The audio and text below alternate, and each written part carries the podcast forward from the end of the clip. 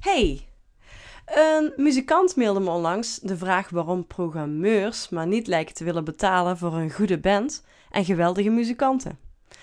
Behalve als een band op tv is gekomen, dat het dan wel ineens allemaal wat mag kosten. Het gaat erom dat de programmeurs de waarde uh, duidelijk is. Dus dat jij aan de programmeurs de waarde van jouw muziek duidelijk maakt. Dus goede muzikanten zijn is helaas niet voldoende, blijkbaar.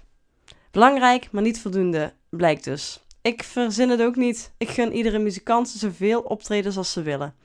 Maar het aanbod van muzikanten is groot en veel groter in verhouding tot de vraag die er is vanuit programmeurs. Bij een feest gaat het erom dat je jezelf kunt onderscheiden van de rest van de feestbands en dat jij een uniek feestje kunt geven die ze bij weinig andere bands ook kunnen krijgen. Bij een andere soort boeking, bijvoorbeeld uh, met eigen werk, is het belangrijk voor ze dat de band zelf ook mensen op de been brengt. Dat doe je door het zelf actief promoten van je optredens op een effectieve manier. Zorgen dat er veel volk komt. En die resultaten kun je dan weer gebruiken voor het boeken van nieuwe optredens.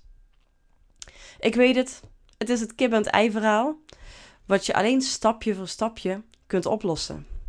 Fanbase opbouwen is daarbij belangrijk en een marketingplan, een groter plan, zoals releases en dergelijke, want dan nemen ze je al een stuk serieuzer. Die tv-programma's? Ik kijk er niet naar.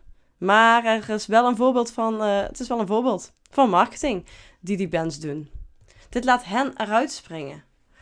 Ook al zijn het misschien totaal geen betere muzikanten. Maar ik focus me altijd graag op de dingen die ik zelf in de hand heb. En ik denk dat er altijd dingen zijn die aangescherpt kunnen worden om programmeurs toch enthousiast te krijgen. Met mijn eigen band heb ik een weg gevonden. Heeft wel even tijd nodig gehad.